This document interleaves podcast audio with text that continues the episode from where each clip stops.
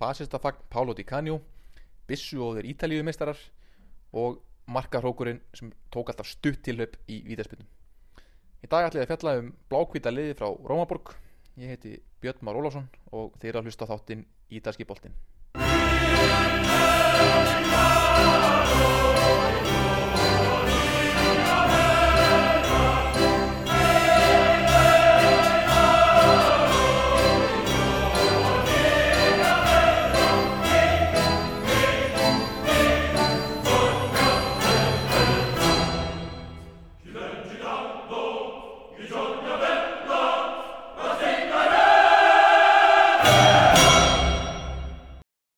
Lazio var stopnað í Prati hverfinu í Róm þann 9. janúar árið 1900.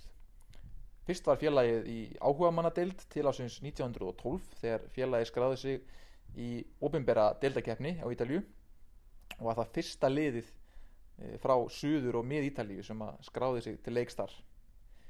Eins og flesti vita þá eru tvö stór félög í Róm sem spila í eftir deild, það er Róma og Lazio og eins og ég fjallaði um áður í fyrir þáttum þá vildu fasistarnir sem að komast til valda á millistrýsárunum að í hverju einustu borg væri eitt stórt félag. Þannig að þeir fóru í það að samena öll litlu félagin í stóri borgunum. Það stóð uppæðilega til að Lazio yrði hluti af e, nýstofna félaginu Róma árið 1927 en e, þá eru margir sem börðust gegn því að Lazio yrði hluti af þessu Róma liði það voru áhrifamenn innan Lazio sem voru því andvýr það eru margar sögur um ástæðuna fyrir því að Lazio var ekki hluta á Róma það verður auðvitað verið óveinsælt fyrir stuðnismenna að sjá félagi sitt saminað undir annan nafn og í öðrum litum. En svo líka sagt að einn helsti samstarfsmaður Mussolinis hafi verið áhrifamikill maður innan Lazio og hann hafi barðist harðlega gegn saminningunni en uh, fyrsti fósitt í Róma var maður sem heit Italo Fossi sem var líka hátt maður, settur maður innan ítalska fasistaflokksins. Það er oft loðað svolítið við Lazio þessi fasista tenging og margir muna kannski eftir fagni Pálo Di Canio þar sem að fagnar að fasista sig eftir að hafa skorað mark fyrir Lazio. Ég ætla aðeins að fjalla um þessa uh, sögulegu ástæður fyrir þessari fasista tengingu. En eins og segja á þrátt fyrir að fasistarnir hafi rauninni uh, stopnað Róma þá hefur Lazio þetta orðspor á sér að, að vera, hafa þessi tengst við fasistaflokkin og barnabarn e, Benito Mussolinis var einmitt, líka mikill stuðnismæður Lazio. Uppálega var nefnilega Róma félagið e, staðsett í Gýðingakverfinu í Rómaborg í Testaccio þar sem, sem Claudio Ranieri og fleiri knaspöðumenn eru fettir og fyrsti, eða fórseti Róma á millistrísárunum var maður sem hétt Renato Sacerdoti sem var gýðingur og hann var mjög efnaði maður og einn af þeim sem var lögðu mikið fér til þegar Róma var stopnað og borgaði til þess að Róma geti spilað á besta vellinum í borginni á þeim tíma sem var Rondinella völlurinn þegar fasistarstjórnin komst til valda þá sett hún síðan lög sem var bönnuðu gýðingum að stjórna fyrirtækjum þetta voru lög sem voru sett 1938 og þá þurfti Sacerdoti að segja af sig sem uh, fósiti Róma.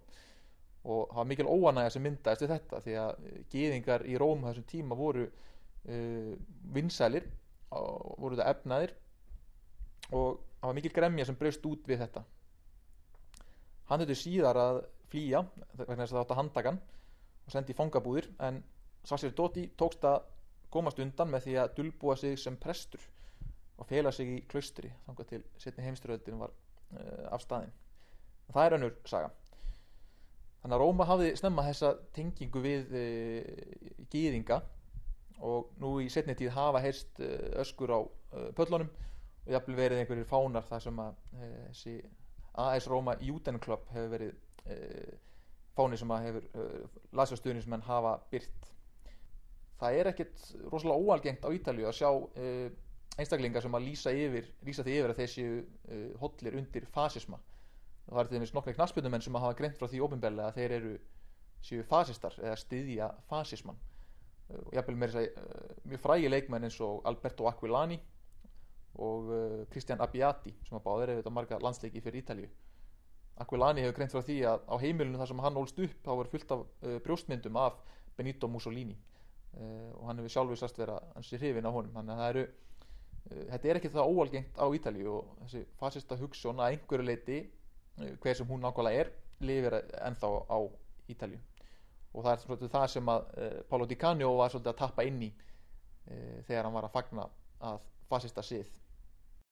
En Ítalska aðildin var stopnud árið 1929 og frá upphafi þá hafði Lazio lið sem var byggt að talsveru leiti upp af Brasilíumönnum.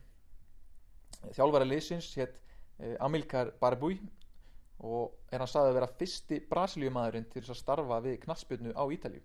Þeir voru brautriðendur í því að hafa e, þessa brasilísku tengingu sem að európski fótbollin hefur haft mjög lengi. Lazio var á þessum tíma kallað Brasilatio út af þessari tengingu í fjölmjölum árið 1932 tók svo austurísku þjálfæri við Karl Sturmer og undir hans stjórn vann Lazio sin fyrsta nágrannarslag við Róma árið 1934 tók svo þjálfærin Walter Alt við sem var líka frá Austuríki og með honum komu tveir stórkostlegi leikmenn sem áttu eftir að stimpla sig inn í sögu Lazio. Það er Attilio Ferraris sem kom frá erkifjöndunum í Róma og Silvio Piola sem ég munst tala meirum hér eftir. Ferraris var heimsmyndstari með Ítalíu árið 1934 og Silvio Piola sem er markahæsti leikmaður í serju A frá upphafi var heimsmyndstari með Ítalíu árið 1938 með Silvio Piola innanbors varð Lazio lendi Lazio í öðru seti í deildinni árið 1937 það var ákveðin toppur fyrir þá og árin eftir setni heimsturöldina voru mjög mögur og að korki gekkni rak hjá þeim bláklættu tóttir hafi náða að halda sér áfram í efstu deild. Á sjötta áratögnum fór að ganga mun betur og árið 1958 vann Lazio sin fyrsta stóra titil sem var Coppa Italia eða ítalski byggatitillin bestu leikmenn liðsins á þessum sjötta áratugi voru þeir Hermes Mucinelli og svíin Arne Selmosson. Ég hef áður talað um svíja sem spiluði í serju A en sannski leikmenn hafa mikla tengingu margir við Ítalju Arne Selmosson er einn af þessum fjölmörgu svíjum og raunar fjölmörgu norðurlandabúum sem að leku á Ítalju á þessum tíma. Selmosson spilaði með Jönköping í Svíþjóð eða í Södra eins og þeir eru kallaðir í Svíþjóð og gekk svo til liðs við Udinese árið 1954 árið eftir fór hann til Lazio og hann spilaði með þeim til ásins 1958 þegar þeir unnu byggatitilin þá gekk hann til liðs við Róma hann spilaði alls 100 leiki fyrir Lazio og skoraði 31 mark. Og hjá Róma spilaði hann 87 leiki og skoraði 30 mark hann er enn þann dag í dag eini leikmaður leikmaðurinn í sögunni sem hefur skorað fyrir bæði Róma og Lazio í e, nágrannarslagnum millir þessara liða. Eftir tíma sem hjá Udinese hann, eða hjá e, Róma fór hann aftur til Udinese og síðan heim til Svíþjóðar. Og Arne Selmusson var líka e, vann silfur með sænska landsliðinu á HM 1958 þegar Pele sökti Svíþjóð í úsleirreiknum Sá sem þjálfaði Lazio þegar liðið var byggamestari árið 1958 var þjálfara góðsögnin Fulvio Bernardini. Hann er ennett leikmaðurinn og þjálfari sem hefur bæði spilað og þjálfað bæði Róma og Lazio. Þannig gegnum söguna þá hafa leikmenn gengið á milli Róma og Lazio. Um, oftast ekki beint á milli en hann var alltaf að spila með báðum liðum. Nú í setni tíð er þetta nefna til dæmis... Uh, Uh, Alexander Kolarov sem spila núna með Roma. Spilaði á Master City og þar aður hjá Lazio. Uh, og líka má nefna Sinisa Mihailovic aukarspilnu sérfræðingin og núverandi þjálfara Torino. Hann spilaði bæði með Roma og Lazio. Bernardini spilaði sér með báðum liðum.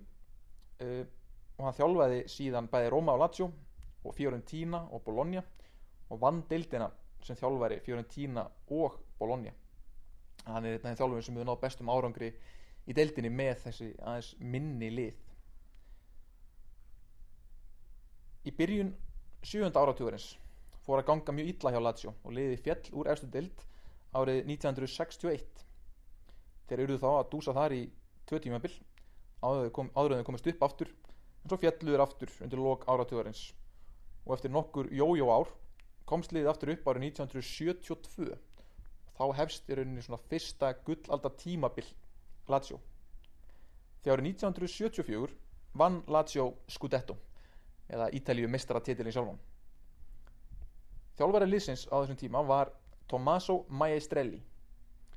Vörninni stjórnaði uh, leikmaður sem var hálfur bretti og hálfur Ítali og hvað heitir maður sem er hálfur bretti og hálfur Ítali? Hann heitir auðvitað Giuseppe Wilson. Uh, hétt fyrst Joseph, uh, Joseph Wilson en Giuseppe er eins og þið vitið ítalska heitið yfir Joseph, eða nafni Joseph þannig heitir Joseph í biblíunni Giuseppe á ítalsku Sá sem skoraði mörkin fyrir Lazio þegar unnu titilinn var Giorgio Cinaglia sem er einn besti framherri sem að Lazio hefur nokkuð tíma haft. Það er alveg ótrúið að lesa söguna um þetta Lazio-lið sem að vann titilinn árið 1974 því mórallinn í liðinu á að hafa verið gjörsamlega hræðilur. Leikmannahópurinn skiptist í tvo hópa sem þóldu ekki hvern annan. Annar hópurinn sem voru yfirlýstir fasistar og hinn hópurinn sem voru uh, yfirlýstir uh, mjög ansnúnir fasismannum leikmenni rifust slóust mikið á æfingum og í leikjum jafnvel. Uh, og flestir eru á því að það er þjálfvaranum Maestrelli að þakka að þeir unnu þennan titil. Að hafa haldið saman þessu liði af vandraða gemlingum sem hann tókst. Maestrelli þjálfari var mikill aðdáðandi Rínus Mikkel sem heit svona fadir Total Football og leta á við spila fína fókbalta eins og höfðu líka þessa hörku sem að eh, lið sem vinna titilin þurfa líka að vera með Sagan segir að leikmennin leikmenninsins hafi allir gengið um vopnaðir með bissu á sér. Og eitt sinn þegar þið voru að fara eh, fljúa í útileik þá neytaði flugstörun að fara í loftið nema að leikmennir myndu skilja bissuna sínar eftir. Sagan segir líka á leikmannahótelum þegar voru að keppa á útileikum þá hafði þér oft keft í skotfimi gerðan út um gluggan með því að skjóta dýr og aðra hluti sem þið sáu út um hótelgluggan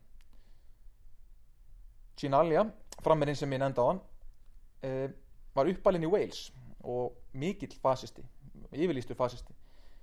Og hans eiginsögn var hans helsta áhugamál að lenda í slagsmálum.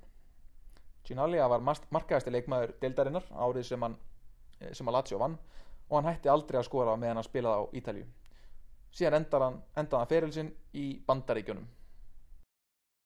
Varnamæðurinn Giuseppe Wilson eða Joseph Wilson sem ég nefndi á hann fættist í Swansea. Hann eh, fátti ennskan föður og ítalska móður.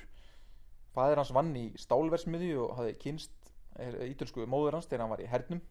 Og þegar sex, hann var hann sex mánuða gammal Giuseppe þá flutti fjölskyttan til Napoli. Þar sem móður hans þótti svo erfitt að aðlega sig að lífinu á Breitlandsegjum Fyrst leik eh, Giuseppe Wilson með Inter Napoli sem er lítið lið í Napoli áður en hann var kiptuð til Lazio árið 1969 þar vann hann deildina árið 1974 og spilaði næstu 300 leiki fyrir félagið og er e, í dag talinir stærsta góðsögn félagsins frá upphafi. Undir lok félagsins fór hann líka eins og Chinaglia til bandaríkjana nána tildegi til New York Cosmos og leik þar eitt tímabill hann var varnægjagsl af gamla skólunum og það segir talsvert um leikstílans að hann skoraði bara 400 hann skoraði afsakið, hann skoraði bara 4 mörg í næstum 300 leikum Latsjóliði sem að vann titilinu var sem fyrir segir mjög gróft og það voru einstaklingar sem að hötuðu hvern annan inn í þessu liði.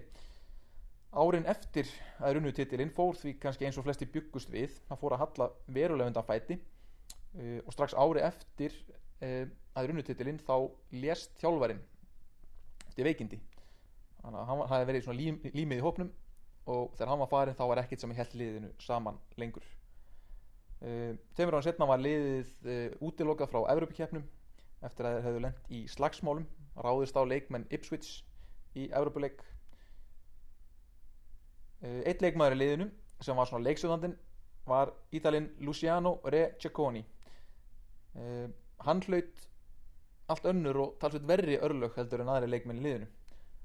Hann var fyrst, eins og ég sagði leikstjórnandinn á miðinni og var ljósærður og kallaði ljósærði Engilinn á stundum Lazio og hafði leikið stóru hlutverki þegar unnu titilinn árið 1974 árið 1977 hann var satt einn af þessum áhuga mönnum með bissur og 1977 ákvaðan á samt vini sínum að rekja verslunareigenda í Rómaborg.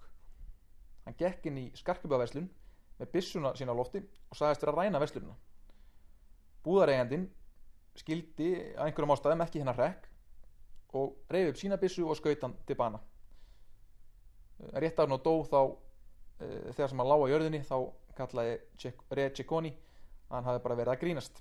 En hann sem sagt lést við það að e, sviðsetja rán í gríni. Eins og segi Maestrelli þjálfarin lést á 1975 krabbamenni og það bætti ekki ástandið á liðinu. Og þá er að líða áratugir áður en liðið var komið aftur upp á þennan stall sem það hafi verið. Áður næsta gullaldar tímabil kom bæði Róma og Lazio spila sína heimaleiki á Stadio Olimpico. E, völlurinn er í eigu e, borgari valda í Róm þannig að þau hafa ekki mikla tekjur aðeins um velli eins og mörg ítörsk lið. Það eru aðeins þrjú lið í Serie A sem að eiga sinn eigin leikvang. E, þessi leikvangu var byggður fyrst árið 1927 hétt þá Stadio dei Cipressi.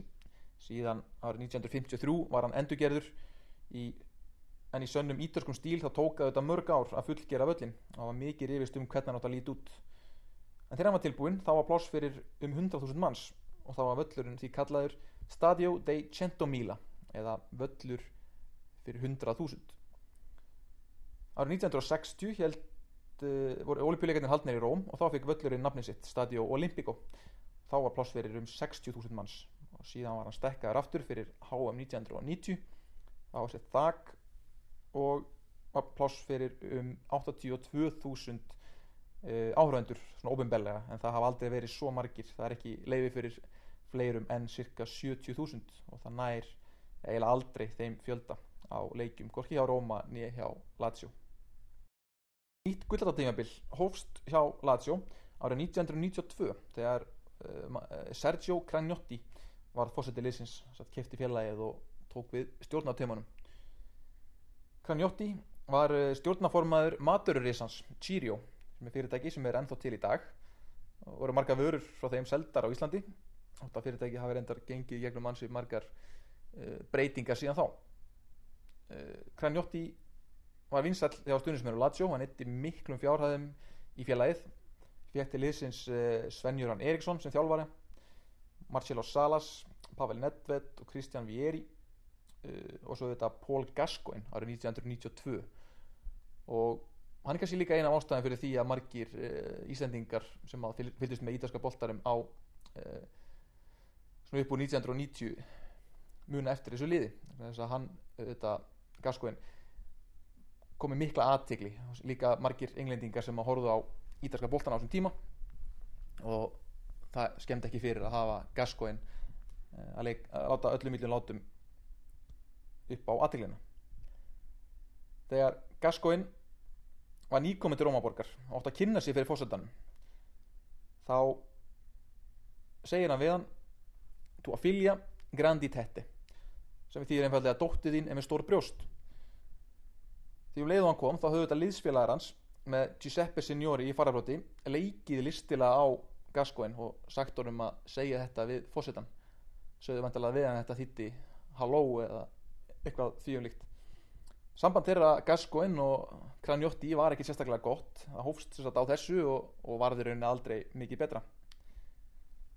Eftir fyrstu árin hjá undirstjórn Kranjottis þá vann félagið ekki titla en með tíð og tíma og betri leikmönum eftir á hverju ári var liðið að lókum Ítalíu meistari árið 2000 Sven-Jöran Eriksson var mjög mikilvægur fyrir félagið hann hafði það var hann sem að þjálfaði liðið þegar þeir eruðu Ítalíu meistar árið 2000 liðið vann Ítalska byggarinn árið 1998 og svo var það síðasta pústlið í leikmannahóp Lazio til þess að geta unni titilinn árið 2000 var leikmaður sem ég áður nefndi þess að þáttum Attilio Lombardo eða The Bald Eagle eins og hann var kallaðið af stuðnismönnum Crystal Palace.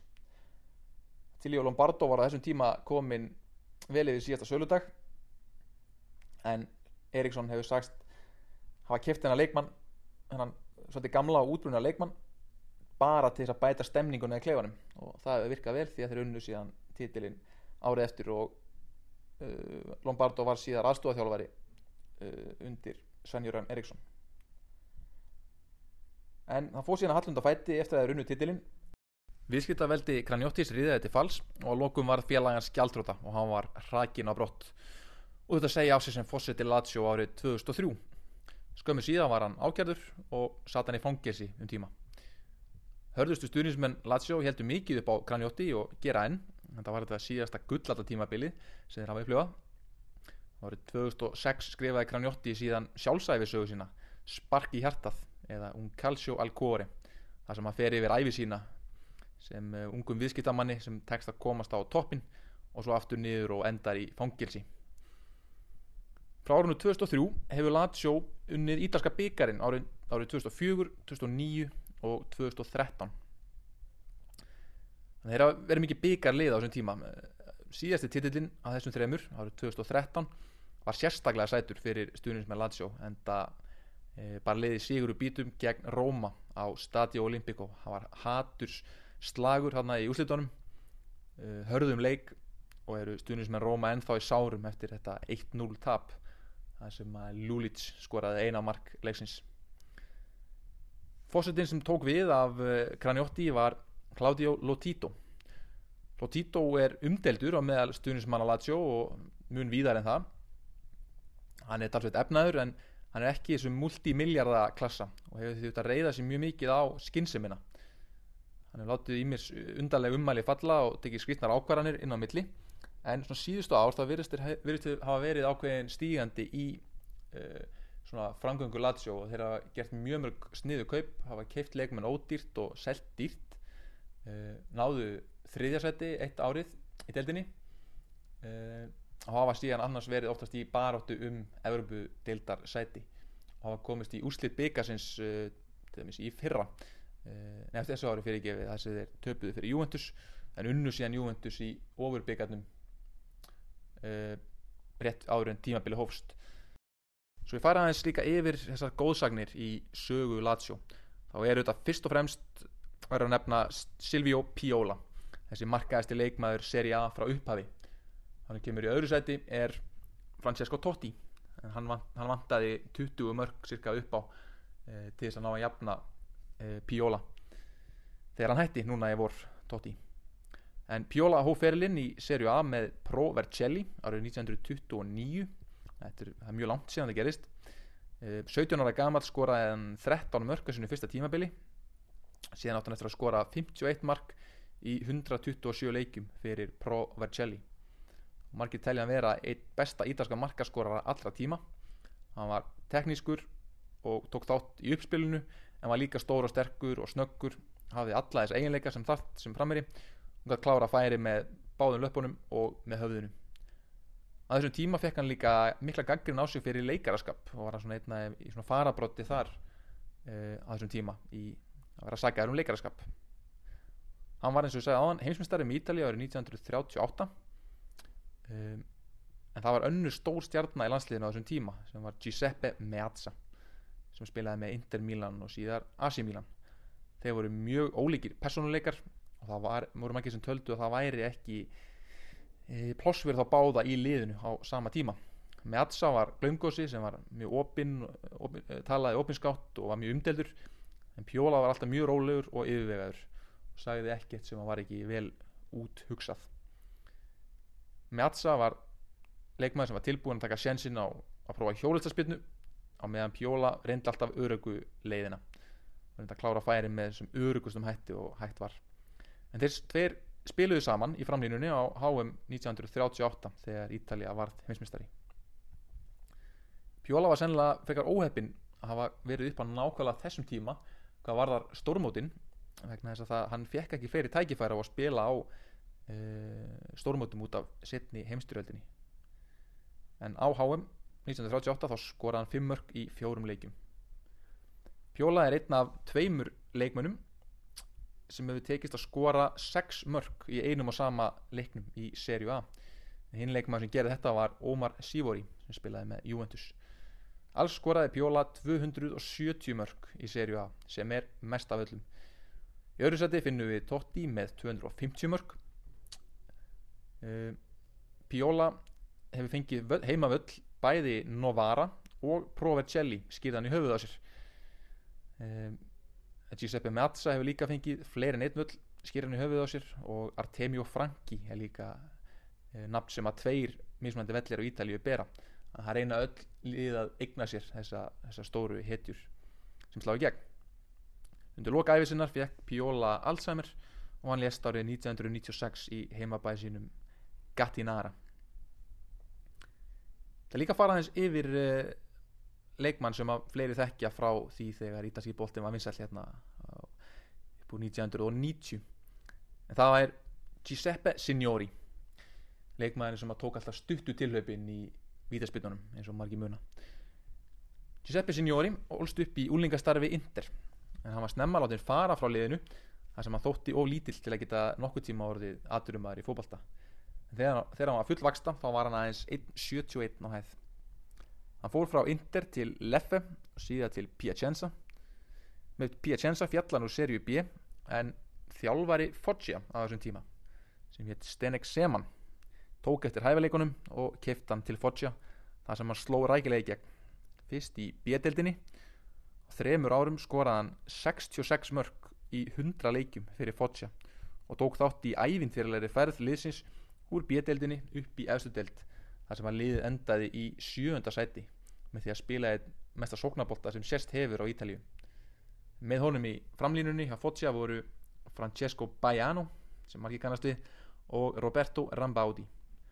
Aftur á vellinum hjá þessu liði voru Dan Patrescu og Luigi Di Biagio. Leikmenn sem að síðar áttu eftir að láta að sér kveða með landsliðum sínum. Árið 1992 þegar Kranjotti tók við Lazio fekk hann Signori til liðsins. Hann spilaði með Lazio í 5 ár og var markaðist í leikmaði deildarinnar þrísvar 93, 94 og 96 og í síðasta, síðasta skipti þá deildan titlinum með Igor Protti það verður að hafa í huga að á þessum tíma þá var hann að keppast um þennan titil, markaskorrartitilinn við leikmenn á borðið Gianfranco Sola, Abel Balbo Roberto Baggio, Daniel Fonseca Gianluca Vialli, Enrico Chiesa og George Weah þannig að það hafa orðið markaðasti leikmaður deildarinnar þrísvar á þessum árum er gríðalegt afreg eitt sinn átt að selja uh, Beppe Signori til Parma. En þá mótmælti stuðnins með Lazio svo harkalega. Fyrir utan höfustöðvar Girio sem var fyrirtæki sem Kranjotti átti að Kranjotti var að hætta við söluna. En hann fekk síðan að fá færri og færri tækifæri hjá Lazio af þjálfvaranum Svenjörn Eriksson. Eriksson kom frá Sampdoria til Lazio og tók með sér Roberto Mancini. Og það gekk mjög illa að koma Roberto Mancini og Signori báðum inn í byrjunarlið á sama tíma. Þannig árið eftir var Beppe Signori seldur til Bologna. Þar sem hann naut líka mikillar velgengni skoraði nóa mörgum þar tók hann sér við kindlinum sem sóknar stjarnaliðsins eftir að Roberto Baggio e, var seldur frá Bologna.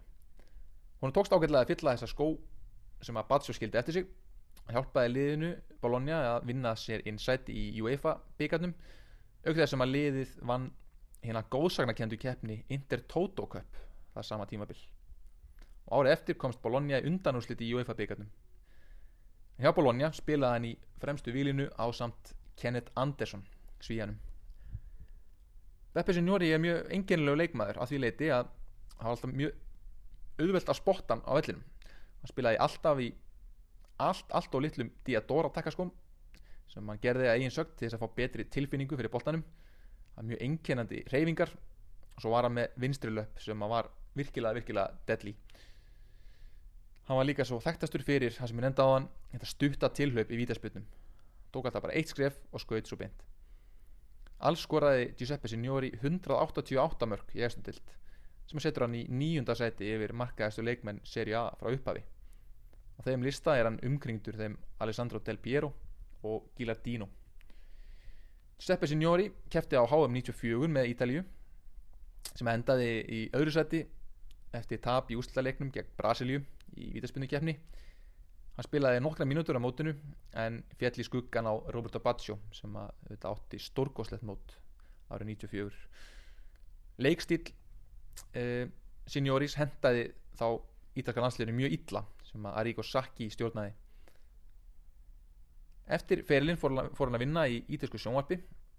Síðan árið 2011 var hann handtekinn á samt nokkrum öðrum fyrrum knaspindumönum fyrir aðild sína veðmála svindlring og var hann að lokum dendur í fimm ára bann frá allri þáttöku í knaspindu en er ennþá einn stærsta góðsögn í sögu Lazio þá er þessu lokið í dag. Ég vona að þið fylgist öll með ítalska boltanum sem er núna síndur í opinu dagskrá á Sport TV um að gera fylgjast með þar. Og þó þeir sem halda með Lazio hafa getur glaðst yfir gengi liðsins hingað til í ár. En ég kem síðan aftur sennilega bara mjög fljótlega með nýjan þátt af ítalski boltin takk fyrir og verið í sæl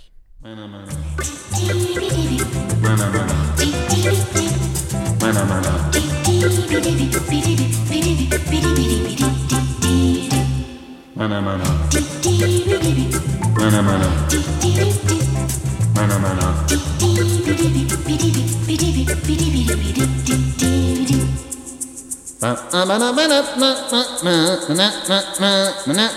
Mana mana. Mana mana. Mana mana. Mana mana.